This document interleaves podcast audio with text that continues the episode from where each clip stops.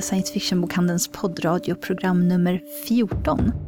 Jag heter Jenny. Och jag heter Gabriella. Och idag ska vi prata om HBTQ i våra genrer. Vi har som gäst Bitta Andersson, regissör till Die Card, den svenska queera B-filmen. Vi kommer också diskutera Yaoi och BL, Shonenai Shoujo Ai inom manga och anime. Och eh, allmänt fantasy som har HBTQ-teman. Nu vill jag säga hej och välkomna till Bitta Andersson och Linda. Ni skulle kanske vilja presentera er själva? Ja, jag heter Bitta Andersson och jag är serietecknare och illustratör, men de senaste fem åren ungefär har jag jobbat med en långfilm som heter Die Card. Jag heter Linda, jag har jobbat här på SF-bokhandeln ett bra tag och har väl en del koll på vårt sortiment. Vi kan väl börja och prata lite om just Die Card som vi inte har än, men som vi hoppas ta in på DVD så fort den kommer. Den ska släppas 27 eh, juli, är vad jag har hört, lagom till Pride. Berätta lite om filmen. En lesbisk actionkomedi-musikal. Det handlar om ett rockband på 80-talet som heter Die Card som ger sig iväg på en roadtrip till huvudstaden för att delta i en stor musiktävling. En mystisk miljardär gör allt för att stoppa dem, bland annat skickar sin armé av ninjor och galna rollerderby-tjejer för att stoppa bandet. Det låter lite som uh, Gem and the Holograms. Det är väldigt stark inspiration därifrån. Vi var tre kompisar som gjorde amatör-tv tillsammans förut i bokhandeln Hallongrottan i Hornstull, som var en feministisk och queer bokhandel. Vi tittar jättemycket på film tillsammans. Vi älskar genrefilm väldigt mycket, 80-tals action, skräck, sci-fi och sånt. Men vi älskar också queerfilm och tittar jättemycket på all queerfilm vi kunde hitta. Men vi upplevde queerfilmerna som ofta väldigt problemorienterade och ofta tragiska slut. Till exempel Brokeback Mountain eller Boys Don't Cry, fruktansvärt hjärtekrossande film att se. Och eh, de här filmerna är jätteviktiga och jättebra, men ibland när verkligheten redan är ganska deprimerande så kan man behöva lite pick me up, liksom, som ni här i sci-fi bokhandeln vet så väl. Så vi ville ta det bästa från våra två favoritfilmfält och göra vår egen queera genrefilm. Från början var det tänkt att vi skulle göra en, en serie med fake-trailers för filmer som vi önskade fanns och lägga dem på YouTube och hoppas att det här skulle funka som en önskelista till filmindustrin. Men när vi hade gjort en sån fake-trailer för en lesbisk actionfilm så var det så fruktansvärt jobbigt så det kändes som det var lika jobbigt som att göra en hel långfilm. Nu vet jag att det inte är så, men då trodde vi. Så då tog vi istället alla våra fake-trailer-idéer och slog ihop det till ett långfilmsmanus. Och det blev Die Card och det är därför den är en slags genrefilmspotpurri som går igenom de flesta av våra favoritgenrer.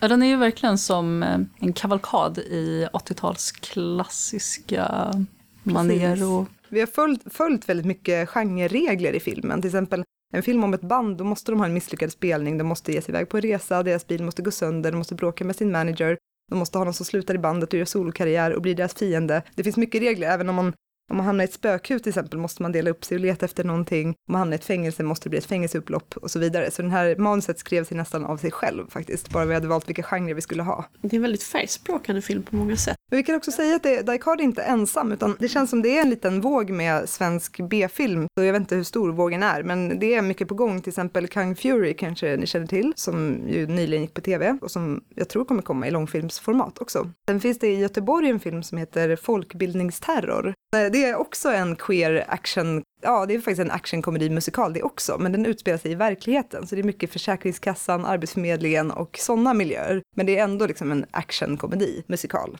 Så den rekommenderar jag väldigt starkt. Det låter väldigt göteborgskt. Ja. ja, ni hade ju bögskräck hos er. I Hallongrottan. Precis, och de bjöd ju vi hit också för två år sedan på Pride och hade en liten föreläsning. Och det är så himla roligt just det här med ja, bögen som skräckfigur och eh, som någon slags, tänker Gene Simmons är ju ett klassiskt B-films transvestit. Och att det känns ju ändå som att det har varit ett sätt att få in queera personer i film, just att göra dem till skurkar eller göra dem till någonting man kan skratta åt. Absolut. Eller sådär. Och att jag kan ändå se att det har bara de senaste åren blivit ett ganska stort skifte där det plötsligt går att skriva in queera roller utan att det behöver bli en grej. De kan få vara riktiga människor. Absolut. I Disney till exempel så nästan alla Disney-skurkar har ju väldigt queera könsuttryck ofta. Mm. Det är ju jättekul karaktärer men det är väldigt tråkigt och tjatigt att alltid få se dem som fiende eller skurk. Vi längtar väl alla efter någon queer Disney-huvudroll. En av de första tv-serierna på HBO som hade homorelationer var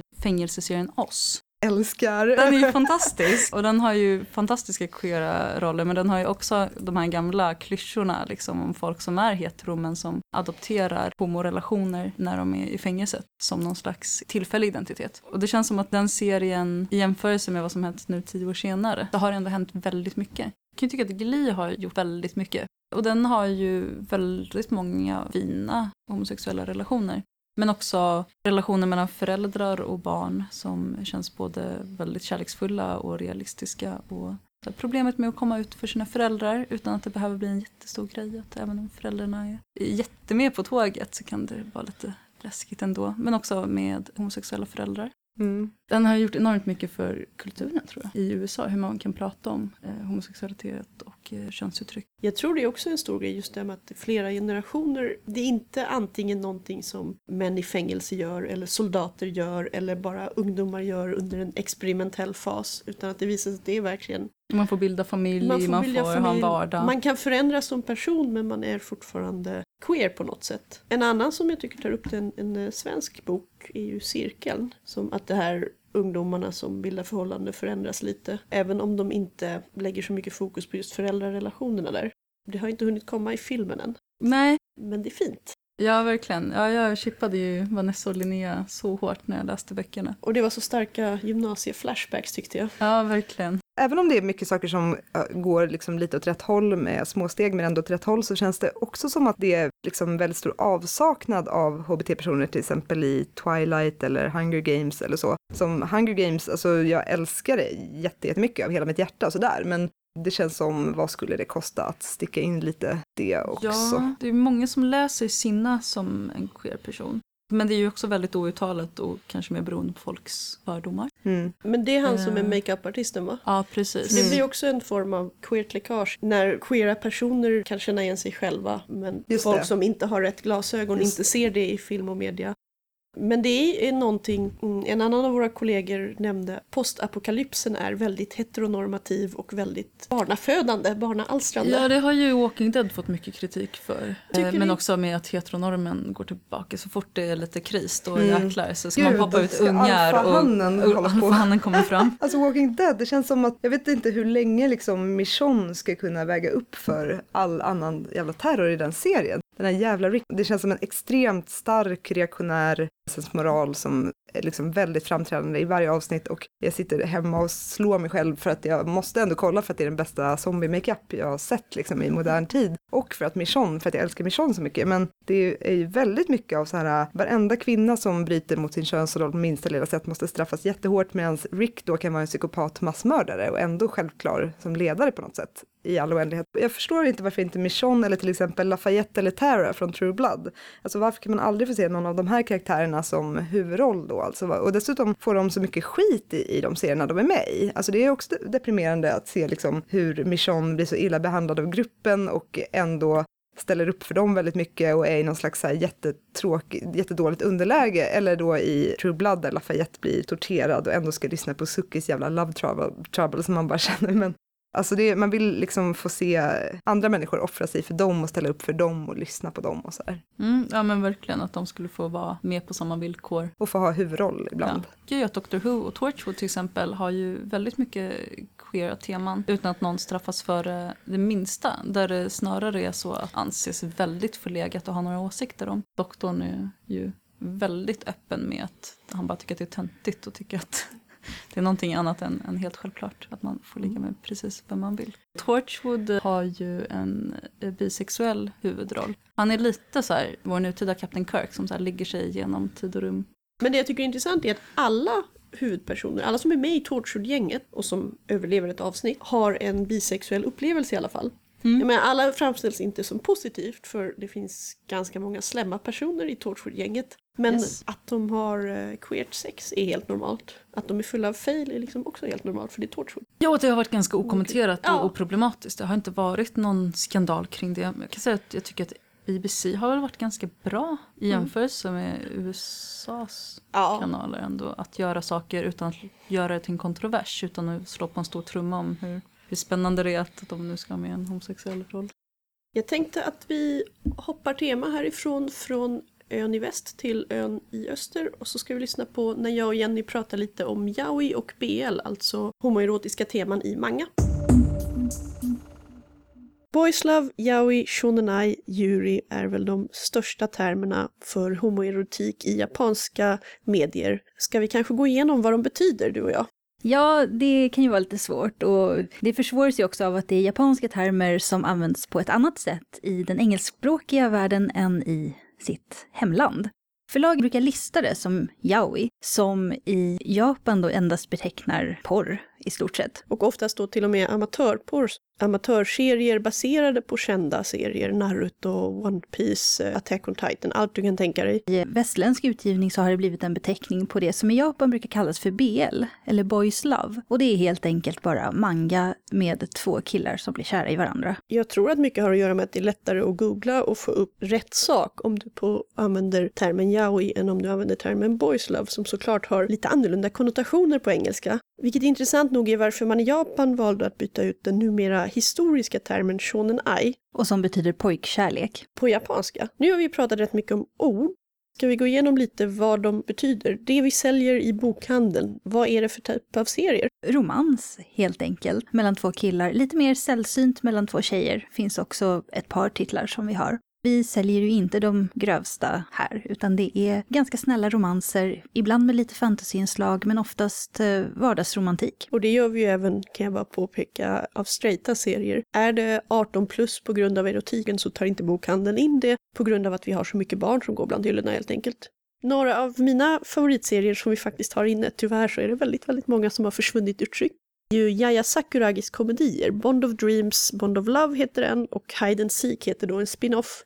De tycker jag är på många sätt typisk BL av det nyare slaget som verkligen får allt rätt. Det är roliga serier. Bond of Dreams, Bond of Love handlar om en ung man som blir kär i grannskapets shintopräst. Han är en väldigt liten, söt, nästan flickaktig liksom pojke och han är jättepå. Och om man har läst en del yaoi så tittar man på omslaget och tänker ah, det är den långe, lite bistre prästen som är den som ska vara liksom pådrivande. Tvärtom, han är helt ah, vad är det som händer? Och jag är ju kär, eller vänta, ångest. De råkar ut för en massa konstigheter och det dyker upp en så här okänd tvillingbror och oj oj oj drama. Men hon skriver det väldigt roligt, en ren komedi, allting är lättsamt. Men samtidigt vänder den då på den här väldigt starka yaoi-klyschan att det är den långa killen som är sexuellt aggressiv. Det brukar alltid vara den som är äldre också. Ja, men det är han ju också. Han är lite två år äldre eller någonting. De växte upp tillsammans.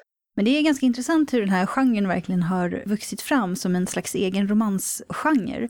BL började ju väldigt mycket inom shoujo, alltså bara manga som, där målgruppen är unga tjejer. På 70-talet när de här klassiska Heart of Thomas av... Moto Hagio kom, det som man räknar som den första shonen ai-mangan. Och sen har vi ju eh, Vinden och trädens sång, eller Kaseto Kino Uta, av eh, Takemiya Keiko. Och de här räknas in till det man kallar 49-gruppen som revolutionerade inte bara hur serier som riktar sig till flickor är, utan alltså hur manga tecknas. Mycket av det här komplexa paneltecknandet, och det var deras uppfinningar, det var deras förändringar och att man införlivade andra konstformer. På den tiden som sagt, då var det mainstream helt enkelt. Det var vanlig shoujo-manga. Idag så tycker jag det är väldigt synd, men det känns som om både BL och och Yuri eller shoujo ai, alltså pojk och flickkärlek, har förpassats till sina egna genrer och mainstream-manga är extremt heteronormativ. Och det har ju också lite att göra med alltså, den här målgruppsanpassningen. Vi sitter ju ändå här i Sverige och har, ser inte allt, men jag håller med om att de serier som ges ut, de som blir riktigt kända så att de kommer att översättas, de är oftast väldigt heteronormativa. Eller så går man försiktigt liksom hit, där alla kan para ihop vem som helst hur de vill, men inte ett steg längre. Att man konfirmerar att någon kanske är eh, homosexuell eller lesbisk eller ibland inte ens straight för att alla ska verkligen få para ihop alla. Men Ja, det, är faktiskt, det brukar man faktiskt inte göra i väldigt mycket manga nu. Om man inte Men tar... framförallt det som riktar sig till killar. Ja. Tjejserierna är oftare uppbyggda kring en central romans där ett heteropar blir ihop i slutet, eller blir ihop halvvägs och sen har missförstånd i 37 volymer. Det här är ju kanske lite mer eh, invecklat än vad medelläsaren i Sverige vet om. Men när det gäller vilka tidningar som olika serier går i så är det ju ofta det som bestämmer eh, vad som får hända i serien. Så de serierna som går i Shonen Jump, de mest kända är ju eh, Naruto, Bleach och One Piece. Och där, där har de ju bestämda saker om vad som får och inte får hända. Och där är ju romansen väldigt frånvarande för det mesta eh, överhuvudtaget. Men sen har vi ju även G-fantasy och Zero Sum som har saker som D. Greyman eller Black? Sayuki. Black Butler går i G-fantasy. Fortfarande, där är det lite friare. Men där får man fortfarande känslan av att de kan eller vill kanske inte bara gå riktigt hela vägen någonsin. Utan det står och balanserar där på kanten lite och, och de tar aldrig riktigt det där sista steget. Däremot just Black Butler är intressant för att den innehåller en figur, Grell Sutcliffe, en um, Shinigami, alltså en dödsande, någon som för vidare de dödas själar till livet efter detta, som är en väldigt typisk figur i massa japanska serier.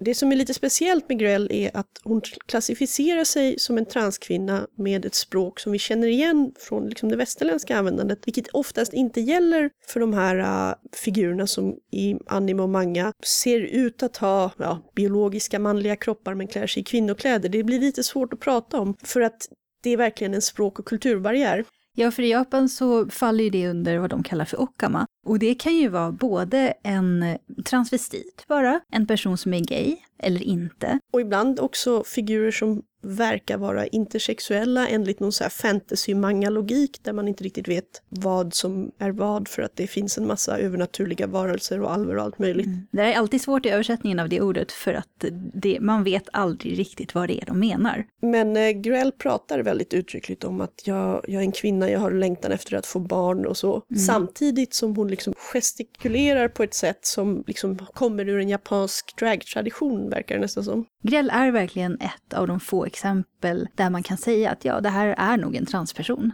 Ja, och för alltså en av de få fallen när det gäller Okama-figurer. Vi har även en hel del i One Piece, men där är det en betydligt problematiskare framställning eh, som går mycket vagare om det är drag eller parodi och vad som egentligen är tänkt där.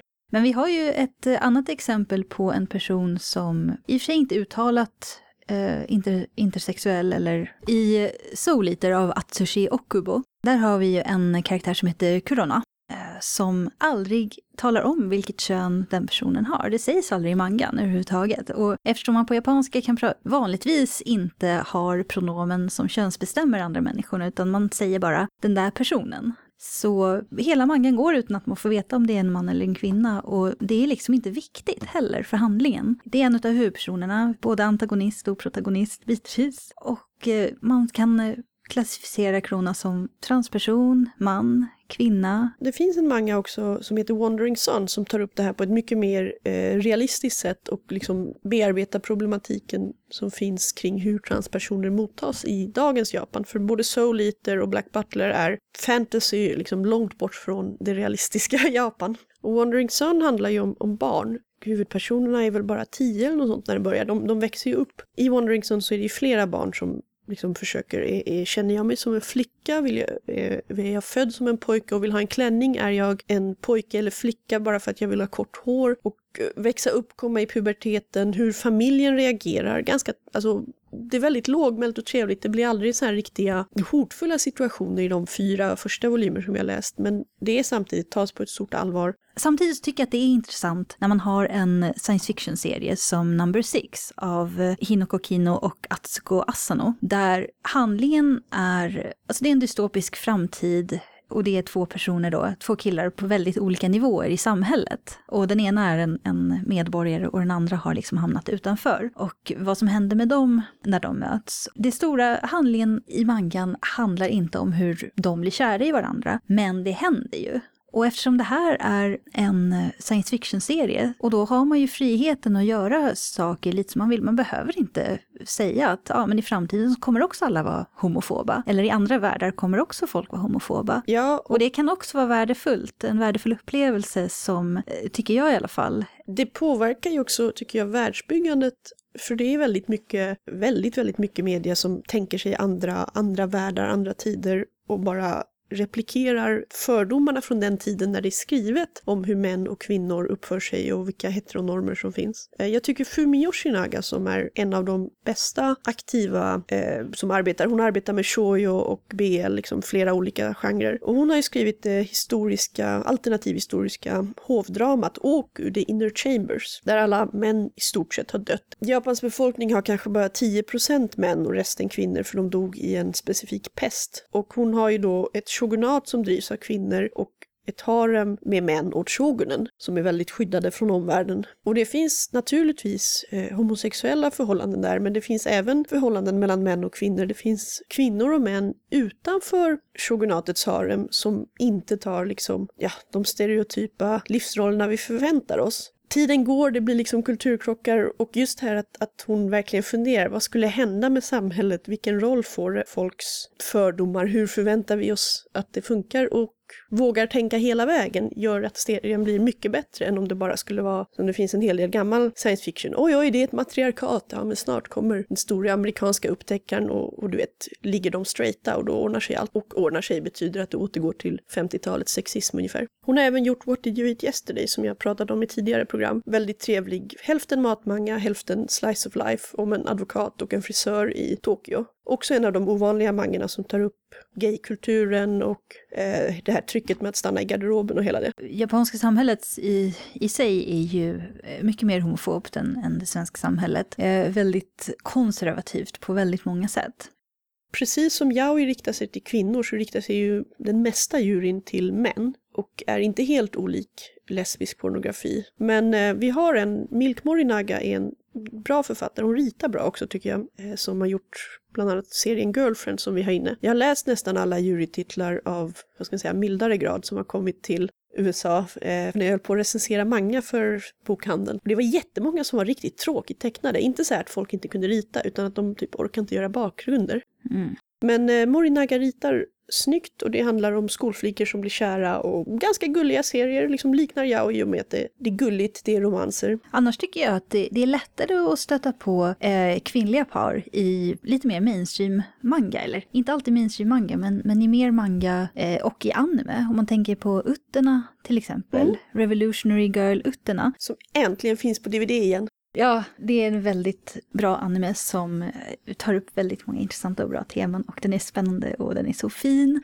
Eh, även om animationen kanske är lite gammal ibland. Ja. Men där har vi ju faktiskt ett uttalad lesbisk, eller åtminstone bisexuell kvinna, det är lite svårt att avgöra. Men, men hon har alltså en uttalad förälskelse i en annan kvinna, eller i en annan tjej, de är ju skolflickor. Och hennes berättelse får ett stort utrymme i serien och det berättar om hur hon var olyckligt kär och vad som händer när den här tjejen kommer tillbaka och hur det hela löser sig. Där är det inte bara att man måste läsa mellan raderna som det är i nästan all mainstream manga och mainstream anime, utan den finns där, den är tydlig. Samma sak gäller ju i Junkogas Loveless manga, eh, som på de allra flesta sätt bara är nästan förhållanden. Och nu är ju huvudpersonen är ju väldigt ung, han är ju bara 12, så där förstår man ju att de gör ingenting med det. Men det dyker upp eh, flera andra personer i serien och eh, det är en fantasyserie där, olika man, man, där man utkämpar magiska strider mot, mot varandra i par. Där det är en som är offret och en som är eh, den som slåss då med trollformler. Och den som är den så kallade offret då, det är den som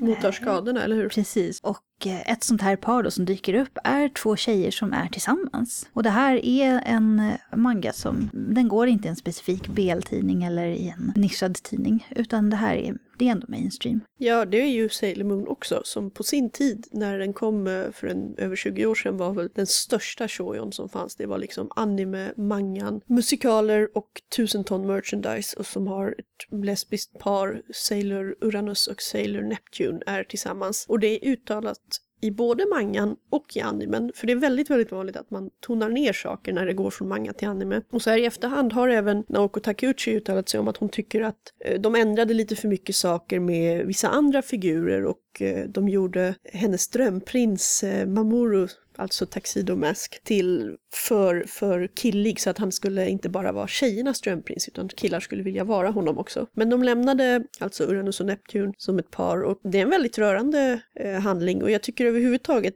det är så mycket i framförallt mangan som handlar om starka band mellan kvinnor i Sailor Moon. Det är mödrar och döttrar, det är väninnor och det är älskarinnor. Så det finns liksom alla sorters band, även eh, bitter fiendeskap mellan några som kommer tillbaks från det förflutna och sådär. Några av de serier, de är ju BL så de säger rätt ut, som verkligen liknar det tror jag, det är väl den här Sekaichi Hatsukoi, The World's Greatest First Love, som också har fått ett par spin-offer där det är en kille som upptäcker att hans nya chef är ju hans första stora kärlek kärlek från high school, oh knows. Och så handlar det om äventyr i shoujo-manga-världen. Den har några år på nacken nu, men den var ju omåttligt populär ett tag. Ja, jag kommer ju att tänka på en annan anime-serie som också är uttalat BL och det är ju eh, Gakuen Heaven som faktiskt handlar om en kille som blir tillsammans med en annan kille. Det finns både som anime och manga och Ja, mangan är tyvärr uttryckt på engelska, men de har funnits. De har funnits. Men det, är- där tar de upp två av de olika historierna som dyker upp i tv-spelet som är då originalhistorien. Där man kan bli tillsammans, eh, där huvudpersonen då kan bli tillsammans med vilken som helst av de här 8-10 Åtta, grabbarna. Jag kommer inte ihåg hur många de är.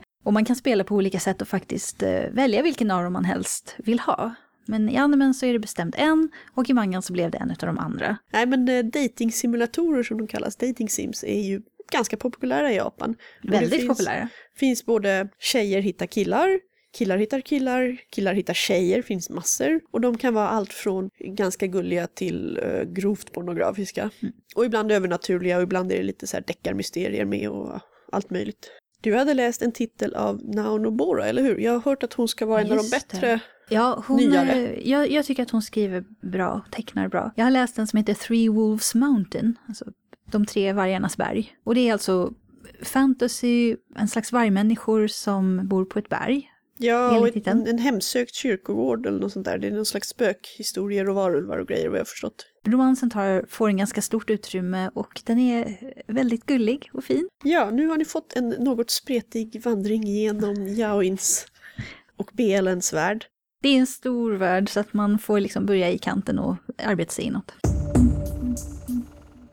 Jag tänkte på det när jag såg Transparent, att för 15 år sedan ungefär så hade Chandler en förälder som spelades av Kathleen Turner som var trans. Och det var hysteriskt skojig sidekick-grej liksom. Att Medans eh, Transparent är en väldigt realistiskt fint skildrad serie där den här transföräldern får vara huvudrollen. Jag tänker ändå att någonting har hänt. Den berättelsen kommer fram i förgrunden. Det känns som att det väldigt nyligen har börjat tillåtas. Nej men absolut, det finns ju en uppsjö av spännande nya initiativ, nya serier och filmer och det är mycket kul nytt som händer. Men det känns också som att det finns en generell lite tillbakagång i könsroller och en lite reaktionär tid där folk gifter sig mer än någonsin och det är jätteovanligt med kvinnor med kort hår, och eh, alla män ska skägg och det är ja, lite alla möjliga saker som går lite i andra riktningen också. Så det känns som att det är liksom lite både och på gång. Ja men skogshuggaриdealet har ju definitivt kommit tillbaka Ja. och hemmafruidealet med. Däremot så tänker jag att det finns ju kanske en mer öppenhet för att två skäggiga män skulle kunna få vara kära i varandra. Könsrollerna har gått tillbaka lite grann men kanske öppenheten kring queer har gått framåt. Det, det kanske det är, att samkönade relationer är mindre kontroversiella än könsöverskridande könsuttryck kanske. Även trans så länge man väljer en könsroll och sen stannar där på något sätt. Ja men lite så. Jag tänker att det finns ju plötsligt ett annat underlag att hitta tittare när tv-serier inte nödvändigtvis ses på tv. Utan man kan betala per avsnitt via Amazon, på, man kan se dem på Netflix. Men är det inte lite så att producenterna och de som håller i pengarna också har börjat inse att det finns en attraktionskraft, att det finns en längtan efter mer så här HBT-saker, mer samkönade romanser och relationer? Ja, men jag Att tror det att de har börjat inse att det finns en marknad som inte nödvändigtvis är primetime-tv. Och att tjejer älskar queer. Superhjältefilmerna till exempel har väl börjat få mycket fler kvinnliga tittare än superhjälteserierna, de tecknade serierna, hade. De som gör filmerna är medvetna om sin kvinnliga fanbase också. Ja, fast inte när det gäller att sälja merchandise. Det är märkliga marknadsföringsprinciper där. Vi har ju, jag läste rätt mycket om de här kontroverserna kring både att det inte finns någon Princess Leia-merch. Det var ju många som ville ha det, framförallt när Disney köpte det. Och de var så här: yes, ge oss vår rymdprinsessa. Ja, eller Amidala för den delen. Men också att helt enkelt Black Widow merchandise finns det enormt lite av. En av ursäkterna från företagen är att det säljer inte. Men den andra ursäkten är också nej, nej, vi måste branda det här som en mansgrej. Och så kan tjejer gå över könslinjen och köpa mansgrejer. Men däremot går inte män över på andra sidan och köper kvinnogrejer eller unisex. Det här är i alla fall vad säljsnacket ska förklara det. Då Sen tänker jag att det är- Little Pony motbevisar hela den tesen Ja. så hårt. Bronies. Bronies. Om ni inte säljer det, hur fan vet ni det då? Precis som du säger, det har ju hänt någonting med könsrollerna. Mm. Disney har ju blivit prinsessigare än vad de någonsin har varit. Frost hyllas ju som det mest jämställda och feministiska som någonsin hänt. Men det är det ju inte riktigt. Alltså det är ju en fantastisk film på många sätt. Men det är ju också ett enormt fokus på prinsessor. Men jag kommer Eh, ihåg när jag såg Brave och blev så besviken att den stora revolutionerande feministiska grejen i Brave är att du ska inte gifta dig heterosexuellt förrän du vet vem du vill gifta dig med. Oj då. Ja, Barnäktenskap är dåligt men du ska själv välja och man bara Och har vi våg." kommit så här långt? Nej, men, och då kan jag känna att det ändå var... När jag var liten så var det ganska mycket skojiga djur i Disneyfilmerna. Det var inte så mycket prinsessor ändå. Nu känns det som att det nästan bara är prinsessor. Disney har blivit någonting för små tjejer. För de kan sälja så enormt mycket prinsessmerch. Jag tänker att nu vill jag prata lite Buffy här. Ja. Du får jättegärna prata om Buffy. Jag tänker att Joss Whedon som ibland kanske jag kan känna har lite oförtjänt mycket feministisk cred. Tycker jag ändå att det är ju väldigt fint att han hade som så här medveten tanke efter att han, nu spoilers, håll för öronen om ni inte har sett Buffy. Eh, men när han dödade Tara och sen så tänkte han till ett varv extra bara, nej men jag kan ju inte sluta serien med att det lesbiska förhållandet blev olyckligt och misär. Willow måste ju få ha en flickvän som det går bra med också. Bara för att komma bort från den här stereotypen. Jag blev helt glad över att han hade tänkt till med det. Även om jag tyckte att det var väldigt synd att Tara behövde dö. Och att han ändå ville göra det på ett ja, men respektfullt sätt. Mm. Vi klipper och lyssnar på mig och Jenny som pratar om våra fantasy och SF-böcker och sen återkommer vi. När jag var lite yngre så gjorde jag ju en eh, ganska rejäl ansträngning. Försökte hitta böcker där huvudpersonen hade en kärlekshistoria med någon av samma kön. Och det var faktiskt inte helt lätt att hitta. Framförallt eftersom eh, det är ganska svårt att hitta bokhandlar framförallt som listar dem efter det kriteriet. Ja, det har ju blivit lättare med Wikipedias alla sorteringslistor. Om man vill ha så här science fiction med lesbiska figurer finns Ja, så fort man började hitta sånt då, då blev det ju mycket lättare. Men eh, jag lyckades ju gräva fram några favoriter. Bland annat ungdomsboken för förtvivlade tonåringar som tycker synd om sig själva, The Last Herald Mage Ja, av Mercedes Lackey. Han lider ju så mycket, den stackars Vanjel Och han då är den sista som, som kan utöva magi. Så att han inte bara lider på alla möjliga personliga sätt, utan han sliter ju ut sig i tjänst hos kungariket som han tjänar då också. För han är en god människa som vill hjälpa till. Han träffar ju en kille som han blir förälskad i redan i första boken. Bitvis så är de riktigt lyckliga. Det här är alltså böcker som jag tycker är väldigt bra på det sättet att eh, de behandlar förhållanden precis som vilka andra förhållanden som helst. Trots att de också utspelar sig i en värld där homofobi faktiskt existerar. Där huvudpersonen oroar sig för vad andra ska tänka. Han växer upp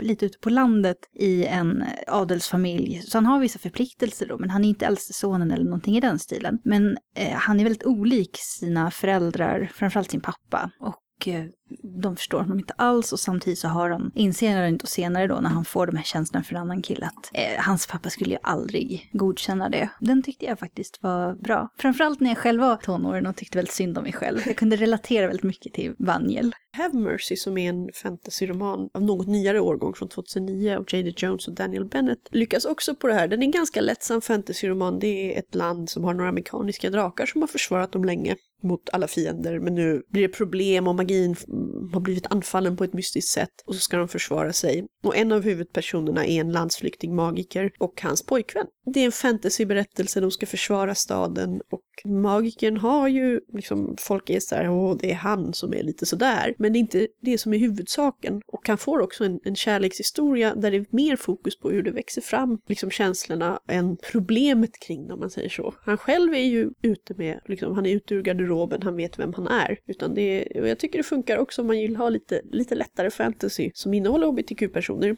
Deras uppföljare gör också det, som handlar om nya huvudpersoner, som jag inte tyckte var riktigt lika bra, för de byter miljö till ett annat annat kungadöme. Men eh, det är kul att det inte bara så här 70-talets klassiker, eh, Ursula Le Guin och, och eh, Samuel Delanys typ tunga science fiction som är väldigt bra, men som kräver lite mer när man sitter och läser, att man funderar på vad är det jag läser, vad, vad betyder det här, vad är, texterna är svårgenomträngligare. Ja, jag har ju läst en annan eh, lättsammare eh, bok också. Det är egentligen en hel serie, men den börjar med Luck in the Shadows av Lynn Flewelling.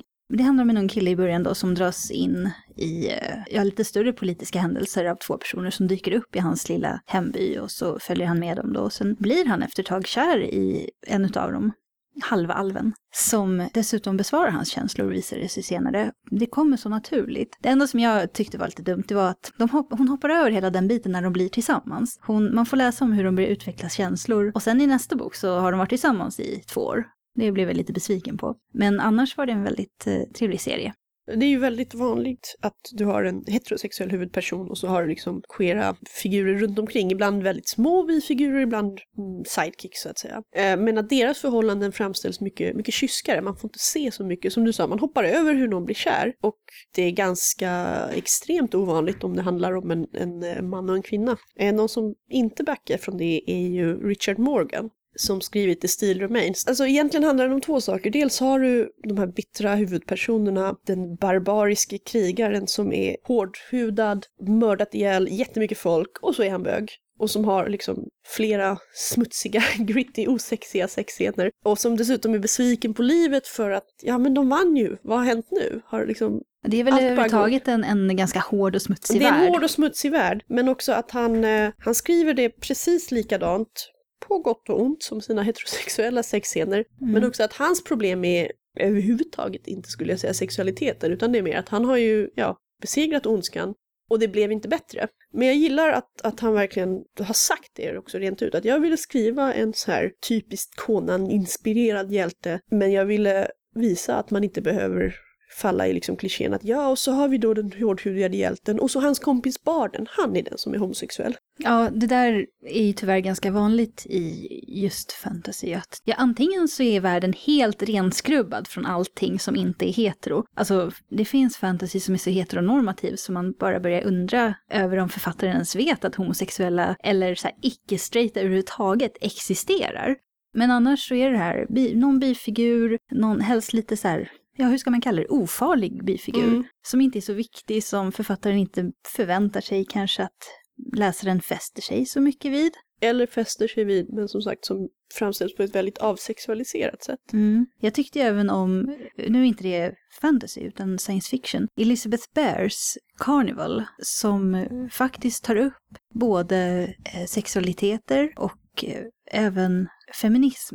Det handlar väldigt mycket om en eh, diplomatisk kris mellan två olika civilisationer som, där en är ett patriarkat och ett är ett matriarkat. Och matriarkatet tillåter två diplomater komma dit, två manliga diplomater, bara för att de vet om att eh, de här diplomaterna inte är hetero. Eh, medan att vara homo i patriarkatet är strängt förbjudet. De blir straffade för det. Och eh, matriarkatet har ju sina egna problem också. Det är det som jag tycker är så bra. Att det är liksom inte som att ett samhälle framställs som det perfekta, utan... Ja, ett annat som jag tycker är jätteintressant på många sätt, det är ju en läck i Space Opera Ancillary Justice, uppföljaren Ancillary Sword, där, där, du har, där det onda rymdimperiet är, eh, de har inget kön, alltså personerna själva ser sig som könslösa, författaren har valt att översätta detta som att skriva alla som hon, och man har överhuvudtaget inga könsnormer eller sexualitetsnormer, barn gör man i provrör för alla.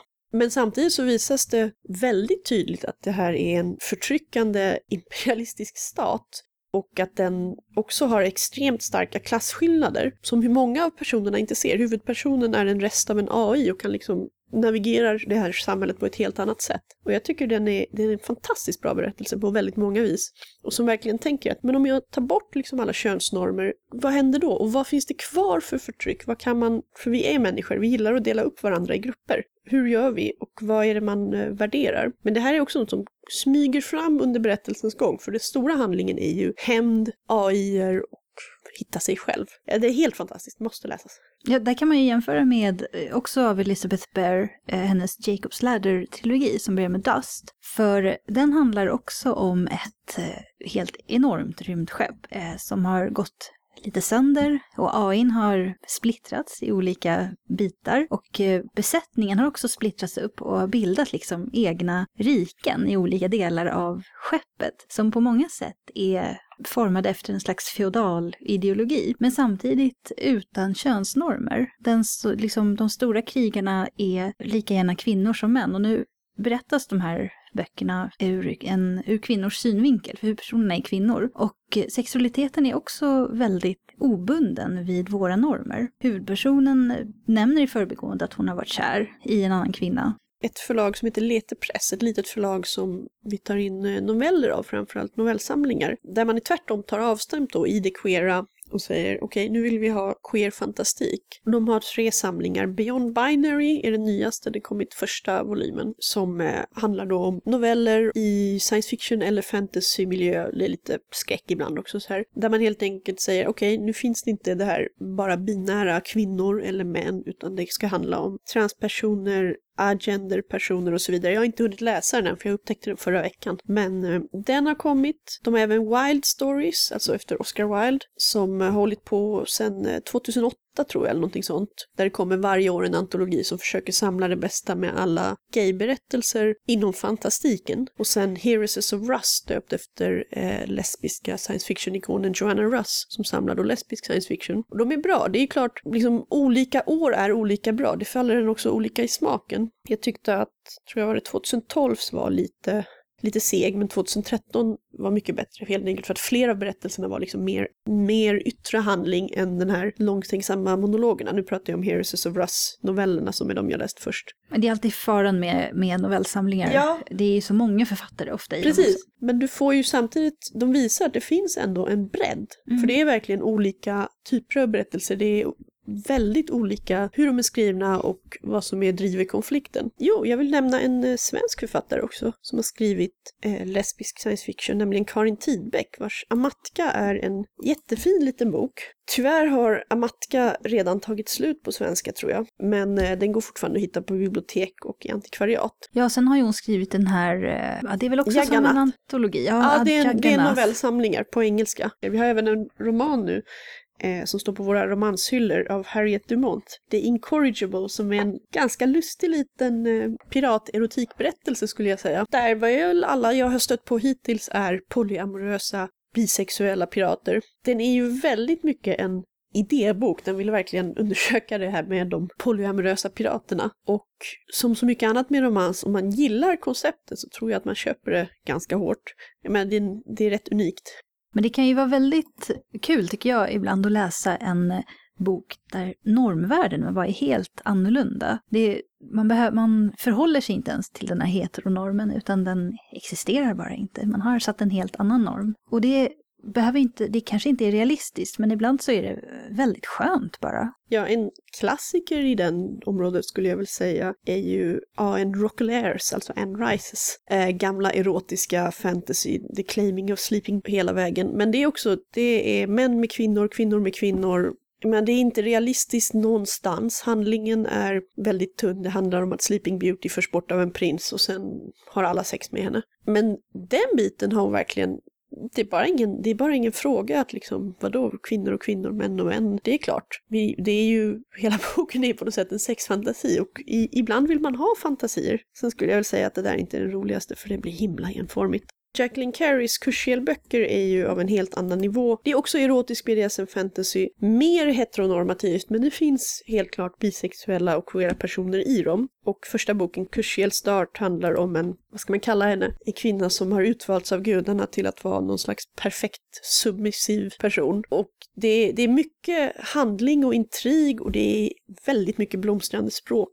Och hela världen är ju uppbyggd kring det här. Ja, i alla fall det sex- landet kan Ja, man det säga. landet är uppbyggt kring den här sexualpolitiken. Ja, Hon har ju verkligen ansträngt sig för att få det att fungera. Ja, så jag menar, det är, det är inte så att man säger att det här är sexigt och liksom fantasier och därför kan det bara handla om det. Utan Kursiel-böckerna är ganska mastiga fantasyböcker. Ja, när man pratar om fantasier så kan man ju tänka då på hela den enorma eh, gruppen av fans som skriver fanfiction om tv-serier eller eh, manga eller filmer, vad som helst, där det inte i kanon finns, att där det inte i, i originalkällan finns någonting egentligen att ta på, eller väldigt lite. Källa, källmaterialet kan ju vara jätte heteronormativt. Som Twilight. Som Twilight. Då, då tar eh, ett fan då och skriver, de, de kanske tycker att, men nu har jag tittat på Naruto och jag tycker ju att Sasuke och Naruto, de är ju ett det bästa par, det som skulle kunna hända och skriver de en egen berättelse om det. Eller eh, man tittar på Supernatural och tycker att men Dean och Castiel, de borde ju bli tillsammans. Det här är ju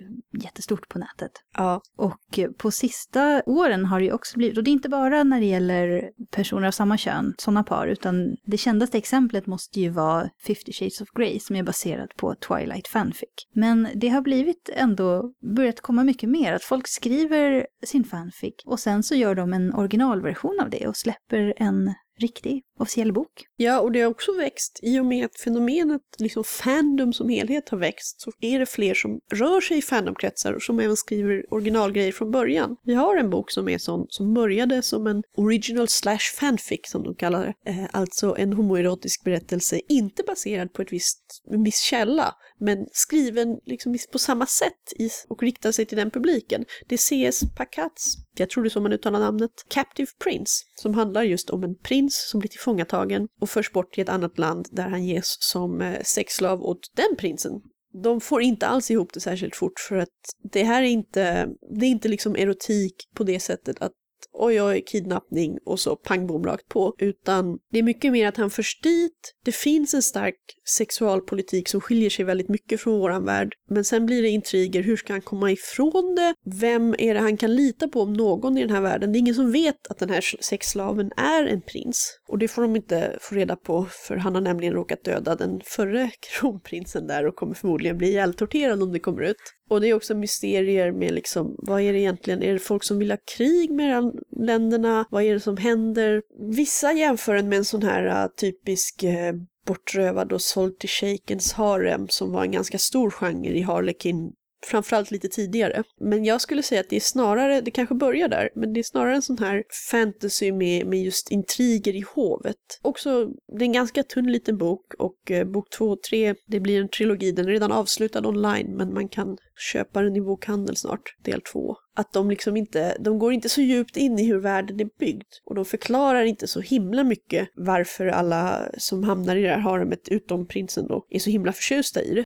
Men det, det liksom växer fram ändå en värld som man kan tro på och det är inte bara en, en fantasi, alltså det är inte bara en sån här sexualfantasi utan det har mer handling. Det är ju ändå ett av de få exemplen som, jag tycker inom mycket fantasy så är det inte så mycket normbrytande. Nej. Utan det, det är ganska Science fiction är lite bättre.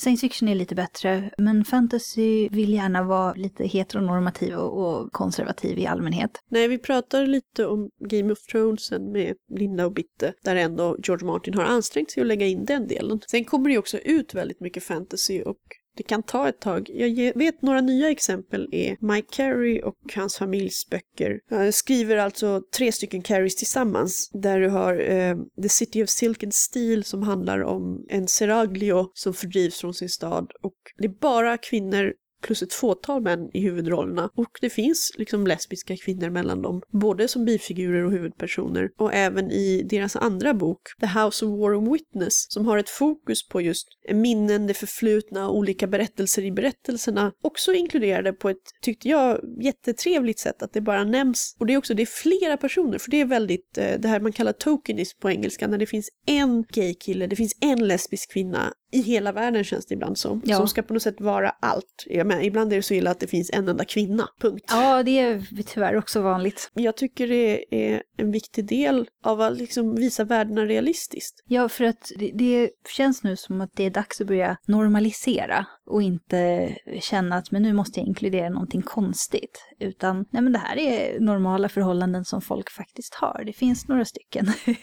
ja, jag skulle vilja se huvudpersoner också som Fler är queera på olika sätt. Ja. Eller har normbrytande könstillhörighet. Just för att det ger också en möjlighet till nya berättelser. Jag menar, det, det mest klyschiga kan man säga den här typiska långfilmsgrejen där du har kanske en actionfilm och det finns en man och så möter han en kvinna som han inte skjuter och då vet du att de kommer bli ihop. Filmskaparna behöver inte ens göra jobbet längre nej. för publiken bara antar att eh, nej, men de blir tillsammans och det men, blir de ju oftast också. Precis, men om man har flera berättelser, alltså flera narrativa strukturer även när det gäller romans så blir det ju nyare berättelser. Alla kan säga att men den, här, den här manliga skådisen och den här manliga skådisen de har bättre kemi tillsammans. Vi ändrar vidare. De kan bli ihop. Hon kan göra något annat i berättelsen. Eller får hon också en flickvän? Vi skriver in en sån roll. Det finns så många fler möjligheter när man ser bortom det här. Så här ska det vara, för så har det alltid varit. Ja, och det vore ju uppfriskande också om, om vi får fler kvinnor vars huvudhistoria inte handlar om hur de ska bli tillsammans med en man. Men vi har ju börjat se en förändring nu och, och förhoppningsvis så går utvecklingen ännu mer framåt.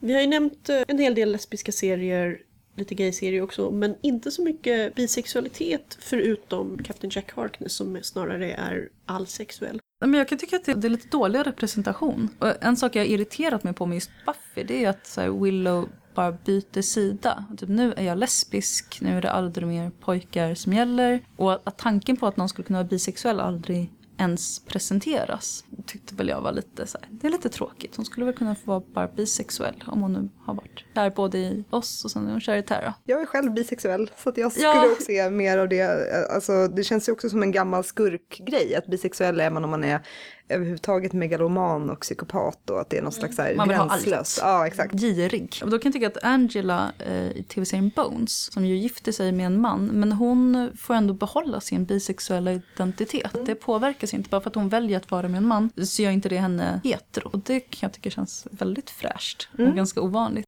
Orange is the new black har ju också en huvudperson som är bisexuell. Jag tänker att serien ändå har hanterat det ganska respektfullt, även om hennes familj kanske inte alltid gör det i serien. Där tycker jag är så himla intressant hur man framställer en problematik utan att förstärka den och stödja den och hur man ofta kan framställa saker på ett ska säga, interuniversellt sätt. Så här, ja, men det här är inget större problem. Men det är som du sa det här med att det till exempel kan vara en girig bisexuell figur som vill ha allt och ingen omkring det reagerar negativt men det är bara klyscha på klyscha på klyscha. Mm, eller att det automatiskt skulle medföra andra, att man är poly till exempel. Ja, och det, det är alltid en eh, balansgång som jag och Jenny diskuterade lite i just manga-delen. Lyckas sådär med framställning mot positiv representation eller bara korrekt representation helt enkelt. Och det jag tycker det är så fantastiskt skönt när man ser diskussioner online och så att nu finns det olika alternativ. Nu kan man gräla om, nej men jag tycker den här serien som kom i år gör det på ett bättre sätt än den serien som kom i år. Och man bara herregud, det är inte bara Brokeback Mountain går på bio. Den måste vi ju se för det är en gayfilm De har fått reklam. Jag tycker ändå att det är lite så att bisexualitet fortfarande hamnar lite under radarn som att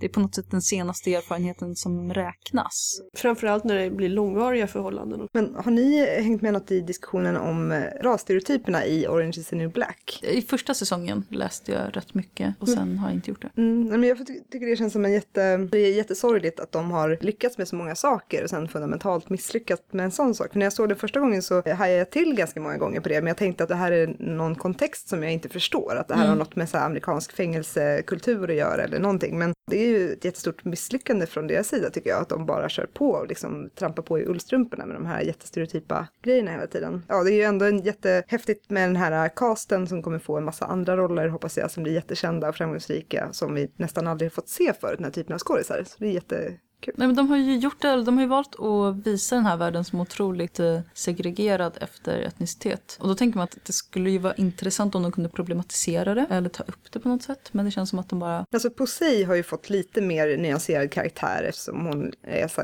överklass och bodde i Tyskland, är gammal punkare och lite sådär. Men annars, Crazy Eyes är adopterad. det är ju också bra, men det, det känns som det är ändå så här ganska ofta tycker jag som de ändå utan anledning slänger in lite kommentarer eller lite så här. Och sen är det också ganska få etniciteter som finns med. Alltså det finns typ någon östasiatisk kvinna som inte får säga någonting alls och som är som någon konstig, jag vet inte, som någon maskot nästan, alltså en äldre kvinna. Ja, med mustaschen. Ja, eh, som jag fattar inte alls dealen med. Nej, och sen så kom det in en asiatisk. Ja just det, hon den här Och unga då, aktivisten. Ja, när de skämtar om att hon är, beter sig vitt. Så Just hon får det. hänga med de vita. Det är någonting jag tycker är väldigt märkbart specifikt på något sätt för amerikansk media. Med den ursäkten då sagt också att jag ser väldigt lite media som inte kommer från Japan, USA, England eller Sverige. Dr Who och BBC-serier blandar ändå mer. Ja, där är det inga problem alls. Och man har ju i, i USA alltså många tv-serier, hela tv-kanaler som har i stort sett helt svarta skådespelare i rollerna. Vi fick ju sådana komedier till Sverige förut, jag tror det har slutat lite. Fresh Prince Fresh och Prince och, Cosby och...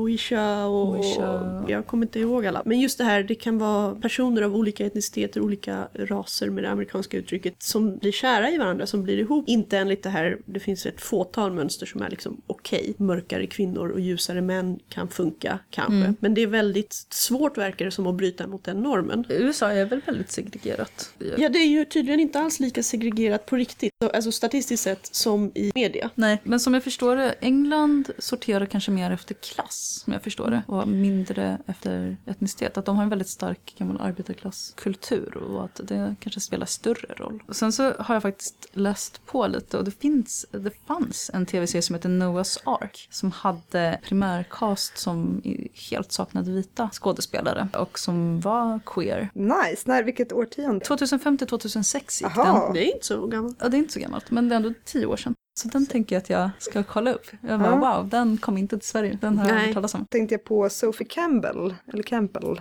som eh, gjorde Wet Moon förut. Känner ni till den serien? Det är en som just har bytt namn och gjort könskorrigerande behandling. Som kommer teckna nya Gem. Aha. Där blir det mycket queer tror jag. Mm. Och eh, hon har tidigare tecknat en seriebok som heter Glory. För eller flera böcker. Spelfilmen ser ju jättetråkig ut. Mm. Ja. Men serien kommer bli jätterolig. Ja, vad bra. Jag tänkte att jag skulle tycka att det var kul om det var mer, alltså, genre-serier. Jag tycker det är så himla kul när det blir typ historiska serier. Och då tycker jag Sarah Waters, alltså miniserierna på hennes Mm. historiska romaner, är ju jättefint. Alltså jag vill ju gärna ha min Kostym. kostymdrama liksom. det är Eh, Allting kul. behöver kanske inte vara diskbänksrealism och självbiografiskt. Och, och jag tycker att det äntligen har börjat komma ut ur det lite grann. Förut var det väldigt mycket att det skulle vara lite skojfriskt, lite misär. Det skulle vara lite slafsigt ritat. Just det. Men jag vill ha lite så här glossiga magasin, jag vill ha höga produktionsvärden och sånt också. Vet du vad jag vill ha som är glossy och högt produktionsvärde och en gång i tiden stod i framkant för representation? Mhm. Det är en Star Trek-film med queera Ja! figurer. Ja! Jag De tänkte- lyckades ha den första kyssen mellan en vit man och en svart kvinna på amerikansk tv. Och de har ännu inte haft en enda queer person alls i Star Trek-universumet utom en uh, utomjording som byter kön och egentligen är någon slags blob. Men även där, så mycket som möjligt pressas in i en heteronorm. Men varför? Varför har de inte haft det? Jag tror att det är för att Star Trek är en kulturell ikon och man har blivit feg helt enkelt. De nya filmerna är ju på inget sätt eh, nyskapande science fiction. Liksom. Det har inte hänt någonting sedan 60-talet direkt. Nej. Alltså, personligen så har ju jag haft Janeway som rättesnöre ända hela mitt Janeway vuxna är liv. fantastisk. Men eh, ja, det, det är otroligt eh, snålt mot hela den eh, queera fanbase som de väl måste ha. Ja, man Ja, kan ju väl ändå utgå ändå. från att, att de som skapade serien och var med och gjorde den inte har haft en jätteproblematisk inställning med tanke på George. Takeys uttalande om att han var ändå öppen Deep Space Nines internt med att han var... huvudskapare, alltså inte Ja. Gene Roddenberry, Nej. men han som tog över. Ehm, och Deep Space Nine är ju också den Star Trek-serie som framförallt i slutet blir mest religiös. Mm. var ju tydligen aktivt emot att eh, två män skulle vara, bli ett par eller få liksom, visa ett intresse för varandra. Jag tror att det sexuellt. finns jättemånga människor bakom de här serierna som är, som är anti-homo. Mm. Men där Eh, har du... Men jag tror inte att Gene Roddenberry Nej. nödvändigtvis är den som har satt stopp för det. Han är ju för övrigt den som har gjort ett av mina, eller, sagt, ett av mina favoritcitat någonsin när han fick frågan om varför Picard inte bara fixar flinten när de är i framtiden. Han inte kunna fixa det, fick han frågan. Liksom. Varför har han inte bara skaffat hår? Och vad sa han? Då sa han, "Eh, i framtiden så bryr sig folk inte. Åh, Ja. nice. Det känns skönt att tänka på. Ja, eller hur? Det är så himla fint. Jag tänker, åh, det är framtiden. Det är så här, fixa utseendet. Nej, för det är inte så viktigt. Dessutom allt åt alla, bort, bort med klassamhället. Ja, Det men eller hur? nice. Vi får hoppas. Jag har två till transserier att tipsa om. Två svenska tran- eh, serier med transtematik i. Bland annat Iggy Forever av Hanna Gustafsson som är en uppföljare till hennes seriebok Nattbarn. Och en bok av Sara Elgeholm som heter Jag drömde att jag var gravid i natt. Den har ju mer trans i förgrunden och eh, Iggy Forever är lite mer i bakgrunden. Men eh, tillsammans med Elias Eriksson så det är ett väldigt bra transår i svenska serier. Vi har pratat om en hel del serier men jag tror fortfarande vi har bara skrapat på ytan och vi hinner inte så mycket mer. Däremot känner jag att vi borde nämna Game of Thrones. Du ville ha mer glossy produktionsvärden, Linda. Ja, så är det. Och det får man. Ja. Alla softfilter. men den har ju mottagits väl på den aspekten. Däremot har det varit väldigt mycket klagomål på onödiga nakna kvinnor i bakgrunden.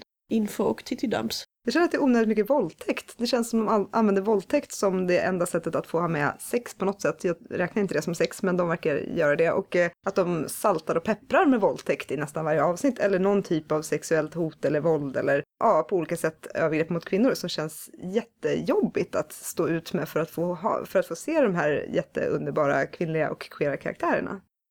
Berätta mer om de queera karaktärerna för mig som inte har sett serien. Ja, till exempel riddaren Brienne som jag älskar väldigt mycket, som jag ser som ganska könsöverskridande. Jag vet inte vad, hur de betecknar sig i den här sagotiden, men typ butch eller trans. Eh, Sen så är det den här prinsen, sword swallower, through and through, som hans mamma kallar honom, svärdslukaren, alltså bög. Mm. Men de har ju inte riktigt sådana ord på det där. Det är väl, eh, är det Loras Tyrell, han Night of Flowers? Jag har Just läst det. böckerna, jag har inte sett tv-serien. Nej, Night of Flowers, ja Mm. det låter sannolikt. Men, precis. Men det är mycket oproblematiskt eh, homosex kan man säga. Och Ja. eh, homoliv eh, som är härligt att se. Ja, och också en, en väldigt, alltså i alla fall i böckerna så är han ett beundransobjekt väldigt det här courtly love-idealet och liksom han är så fin och så. Men det kopplas inte nödvändigtvis med hans bögighet utan det är för att han är snygg och Mm. ung och ja, blomriddaren. Det känns som heterosexualitet överhuvudtaget inte är någon så här jättestrikt, alltså eh, drottningen eh, som är ganska ond och hemsk verkar ju vara ganska bisexuell också. Det verkar som att eh, alla verkar vara det lite till mans. Eller det, det känns inte som någon värld där det är jättehårt hållet. Nej, nej men jag, jag håller med om att Alltså även i böckerna är det mycket våldtäkt och sen vad jag förstått har de stoppat in lite fler, eller så känns det det. De, det är ju så himla tegelstenar till böcker och så när man klipper bort en massa saker och väljer att lämna så många våldtäkter så blir det liksom ännu mer frekvent. eh, Kokas ner. Ja, det sticker en i ögonen. Ja, alla som har någon egen, alltså väldigt många som har någon egen erfarenhet blir väl, alltså det är lätt att man blir traumatiserad på nytt, man får ångest av att se det och det är hemskt att sålla bort en så stor del av en potentiell fanbase. Det blir en väldigt eh, förenkling av hur förtryck mot kvinnor eh, tar sitt uttryck. Det handlar inte bara om att man blir våldtagen hela, hela tiden. Nej. Utan det är väldigt många olika just där med att man behöver navigera olika maktstrukturer. Det finns mängder av historiska romaner om det.